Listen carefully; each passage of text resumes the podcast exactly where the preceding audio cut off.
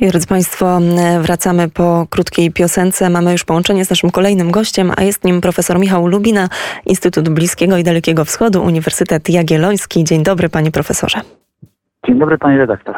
Mówię tak to z uśmiechem na ustach, bo kilkukrotnie na antenie Radia Wnet nazywaliśmy tutaj pana profesorem. Pan zazwyczaj prostował, że jeszcze nie profesor, doktor, więc serdeczne e, gra... Ale już, no, mógłbym dalej prostować, bo jestem profesorem nadzwyczajnym, czyli innymi słowy podwórkowym, a stopniem jestem nadal doktorem habilitowanym, ale prawdę mówiąc po dwóch latach, kiedy między doktoratem, tą habilitacją, a byciem profesorem nadzwyczajnym, jak wszystkich tutaj poprawiałem, tak już się teraz zmęczyłem, już mam dosyć, już pod, poddaję się. I, po, poprawiać, poprawiać nie trzeba, bo wiedza, merytoryka jest jak najbardziej e, już e, na poziomie Ale tak. profesora belwederskiego wciąż nie. Także, no, to myślę, że to, że to jest kwestią czasu, a już teraz przechodzimy do naszych tematów. E, zaczynamy od Filipin. Ponad 67 milionów Filipińczyków jest uprawnionych do głosowania w, w wyborach prezydenckich. Proszę powiedzieć, kto jest faworytem, co w ogóle może zadecydować o wyniku tego głosowania? Co można ciekawego powiedzieć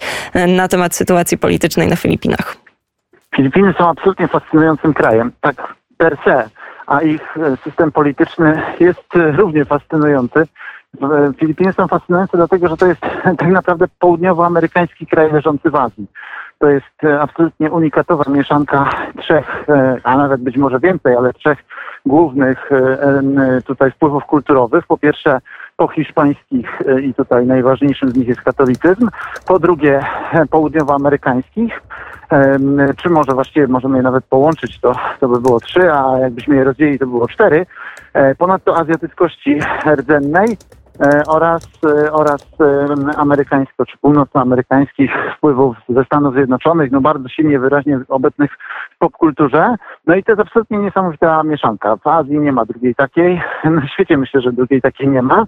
No i ona ma oczywiście swoje zalety i wady. I jeśli chodzi o politykę, no to tutaj się chyba lepiej widać te wady, dlatego że z jednej strony jest to demokracja i to demokracja już dość stara, no ale z drugiej strony jest to taka demokracja bardzo naskórkowa, ponieważ Amerykanie jak skolonizowali Filipiny, a zrobili to pod koniec XIX wieku, tam był taki moment, kiedy Filipińczycy sami się wyzwolili od Hiszpanów, a potem Amerykanie ich wyzwolili od nich samych, tak? Więc to, to jest taki dość znany, a właściwie może nie aż tak znany, ale, ale charakterystyczny przykład kolonializmu amerykańskiego. No i jak Amerykanie w końcu stłumili to, tą walkę Filipińczyków o niepodległość, to e, zrobili im kopię wklej własnych instytucji demokratycznych. A więc Filipiny mają wybory, mają kongres, mają trójpodział władzy, mają, e, mają wszelakie to, co Amerykanie nazywają check and balances. Natomiast te instytucje zostały napełnione miejscową treścią, dlatego że e, elity filipińskie, e, kiedy no już się kiedy, kiedy, no, kiedy elity filipińskie się już poddały i zrozumiały, że nie mają szans w walce z z Amerykanami, no to bardzo chętnie zaczęły kolaborować i no i na tym zyskały, dlatego że tam tak na dobrą sprawę taka feudalna struktura jeszcze z czasów hiszpańskich została przeniesiona do współczesności. No i ona doprowadziła do tego, że tam powstała no cała e, taka klasa oligarchiczna złożona z najpierw kilkunastu rodzin, a potem ich trochę urosło, tam są różne szacunki, jedni mówią, i to są pesymiści, że jest to 18, no optymiści mówią, że to jest 40 e, rodzin, które kontrolują cały kraj. No i e, te wielkie dynastie właśnie kontrolują również politykę, gospodarkę, media, no układ zamknięty, mówiąc tak po naszemu. No i to powoduje, że, że mm, ta demokracja filipińska jest mocno ułomna. No i te dzisiejsze wybory to dobrze pokazują, dlatego że murowanym kandydatem i e, faworytem tych wyborów jest Ferdynand Marcos Junior, czy jakbyśmy powiedzieli w polskiej tradycji Ferdynand Marcos młodszy, syn byłego dyktatora, który się no, źle zapisał w historii Filipin, no ale po, e, został obalony w 1986 roku, także 36 lat później e, no już nie jest to pamiętane i jego syn tutaj e, przoduje w sondażach i prawdopodobnie e, zwycięży, przynajmniej właśnie mm, tak to wygląda, jeżeli chodzi o Filipiny, a my teraz już przechodzimy do kolejnego tematu, Rosja i Chiny, czyli oba e, państwa bardzo dobrze panu znane. Mm, proszę powiedzieć, jak z perspektywy no już tych przeszło 70 dni ataku Rosji na Ukrainę możemy ocenić reakcję Chin. Tak naprawdę teraz Pekin stoi trochę pomiędzy wyborem albo wsparcia bardzo bliskiego sojusznika, no i też partnera tak naprawdę biznesowego, albo właśnie przestrzegać ograniczeń nałożonych przez Stany Zjednoczone, przez Europę i tak naprawdę wszystkich innych sojuszników mm, Ukrainy. Co można powiedzieć o tych relacjach rosyjsko-chińskich? No, myślę, że dobrze pani ujęła ten dylemat, przed którym stoją Chiny. No i odpowiedzią chińską na ten dylemat jest przede wszystkim czekanie. Chiny robią wszystko, żeby jak najmniej się opowiedzieć, żeby jak najmniej było wiadome, jakie, jakie jest ich stanowisko. Znaczy oficjalnie jest to neutralność, natomiast ta neutralność jest przynajmniej w wersji retorycznej wyraźnie prorosyjska, dlatego że jak się czyta chińskie oświadczenia e, wszelakie, czy to MSZ-u, czy, e, czy, czy, e, czy też Komunistycznej Partii Chin, no to widzimy tutaj wyraźne poparcie rosyjskie, albo wyraźnie poparcie rosyjskiej narracji o tym, że to NATO jest temu wszystkiemu winne. Więc pod tym względem jest to no, wyraźnie skrzywione w stronę Rosji. Natomiast jeżeli chodzi o, o działania realne, no to tutaj już jest bardziej niejednoznaczna sytuacja. Aha, jeszcze bym dodał, że te oświadczenia chińskie są celowo mętne, ale to już kilkukrotnie tutaj to też mówiłem na antenie Radia Wnet. To jest jakby i nie tylko ja, myślę, że to Radek Pysel też tak mówił, czy profesor Góralczyk, więc, e, więc to, to jest jakby abecedą chińskiej polityki, żeby tutaj ukrywać swoje, swoje prawdziwe zamiary, cele i tak dalej. To robią dość sprawnie. Natomiast jeżeli chodzi o realne działania, no to ta wojna nie jest smak Chinom. Oni oczywiście E, patrzą, co się dzieje i wyciągną z tego wnioski. Najważniejszym wnioskiem, jaki na razie z tego wyciągają, jest to, że trzeba być samowystarczalnym i żeby nie doprowadzić do takiej sytuacji, jak, jak ma Rosja, że została uderzona sankcjami w efekcie w efekcie Chińczycy robią wszystko, żeby i zrobią wszystko, żeby, żeby nie, nie, nie powtórzyła się taka, taka sytuacja, więc, więc to jest jakby pierwsza rzecz. Natomiast jeżeli chodzi o, o to, o co pani pyta, czyli kogo poprzeć, no to oczywiście Chińczycy najchętniej by poparli Rosję, tyle tylko, że Rosja nie wygrywa, więc to jest to komplikuje trochę sytuację. Chińczycy zakładali, że Rosja wygra szybko e, i, i, i, byli zdziwieni tym, że tak się nie stało. Nie docenili wyraźnie Ukrainy, więc, więc to, było pierwsza, to była pierwsza rzecz. Natomiast, e, no, ponieważ Rosja nie wygrywa, no to Chiny czekają aż kurz opadnie i starają się nie podejmować żadnych brzemiennych decyzji.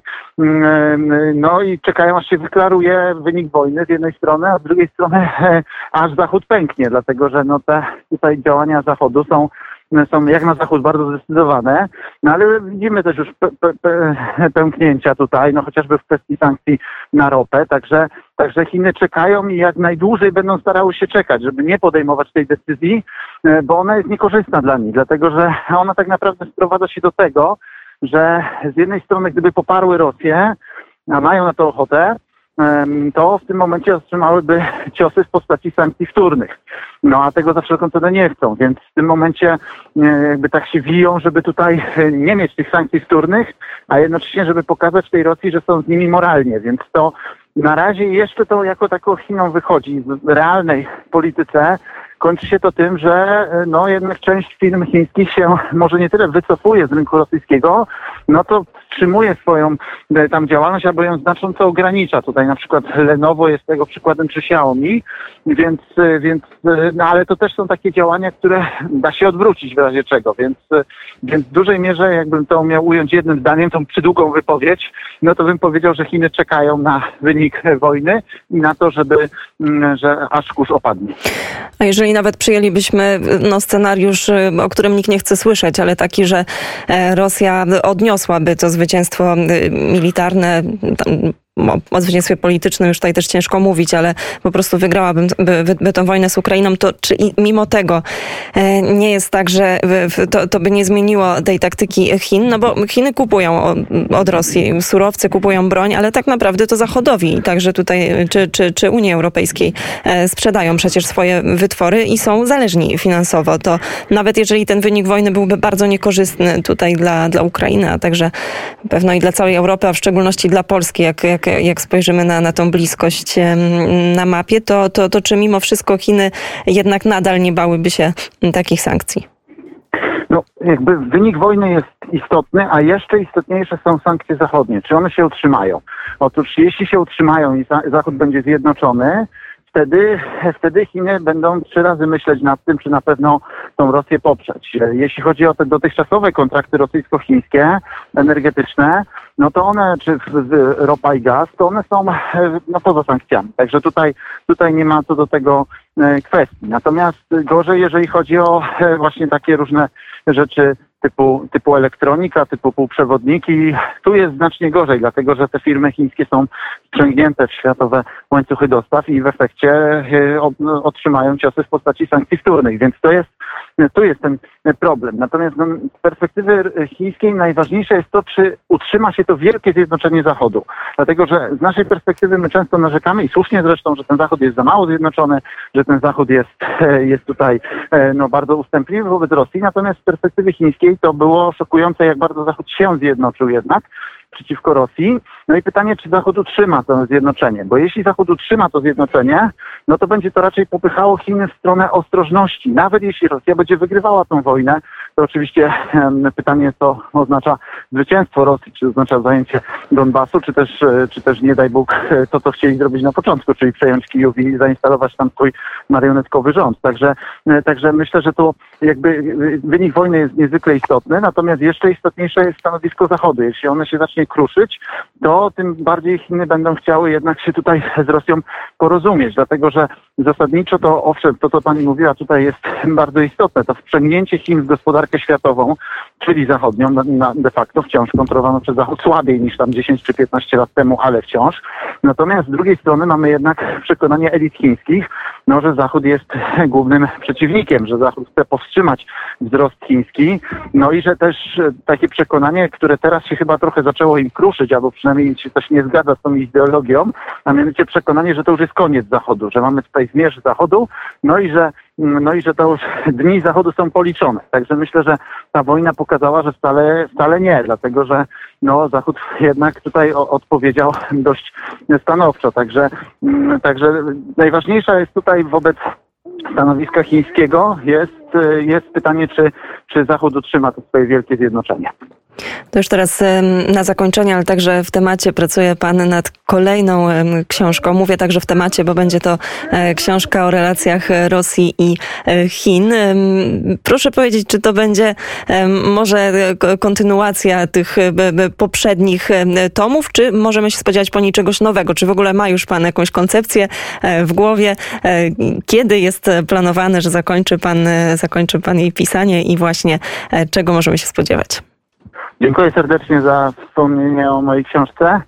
To jest tak naprawdę podwójna rzecz, jeżeli chodzi o tą książkę. Z jednej strony to jest moja trzecia książka o relacjach rosyjsko-chińskich, no i ten nowy element tutaj będzie bardzo istotny, no szczególnie właśnie wydarzenia związane z wojną w Ukrainie, to jest, e, to jest bardzo istotne. Z drugiej strony, no będę musiał powtórzyć jednak części, które napisałem wcześniej na temat tych relacji rosyjsko-chińskich, no a ponieważ zaczęliśmy tą rozmowę od, od tych wszystkich stopni i tytułów, którymi mnie pani darzyła, i y, to one dają przede wszystkim pewien luz. To znaczy, ja pierwszą książkę pisałem, to byłem doktorantem i musiałem wszystkim udowodnić, że znam wszystkie podejścia teoretyczne, metodologiczne i tak dalej. A teraz już tego nie muszę robić, więc mogę sobie napisać książkę tak jak zawsze chciałem, czyli językiem y, zrozumiałym dla, dla szerszego odbiorcy, bez, bez tutaj meta języka naukowego i to właśnie teraz robię. To znaczy ten, tą, tą starą książkę przerabiam w taki sposób, żeby, żeby, żeby się to dobrze czytało. No i to jest jedna część, a druga część to będzie właśnie dopisanie tego, co jest, co jest nowe. No zasadniczo ma być to panorama stosunków rosyjsko-chińskich od, po 91 roku. No i czy się uda, to zobaczymy. No mam skończyć do połowy czerwca, a w listopadzie ma zostać wydane. Także, także dziękuję raz jeszcze za, za wspomnienie o tym. Ja na pewno e, tą książkę e, kupię i będę polecać, bo e, wiem, że po prostu będzie, będzie, będzie to kawał dobrej roboty. Bardzo serdecznie dziękuję profesor dziękuję Michał, Lu profesor Michał Lubina, Instytut Bliskiego i Dalekiego Wschodu, Uniwersytet Jagielloński. Tutaj także uśmiechamy się do wszystkich naszych słuchaczy z Krakowa. Jeszcze raz dziękuję za rozmowę. Dziękuję również. Dziękuję. Kłony.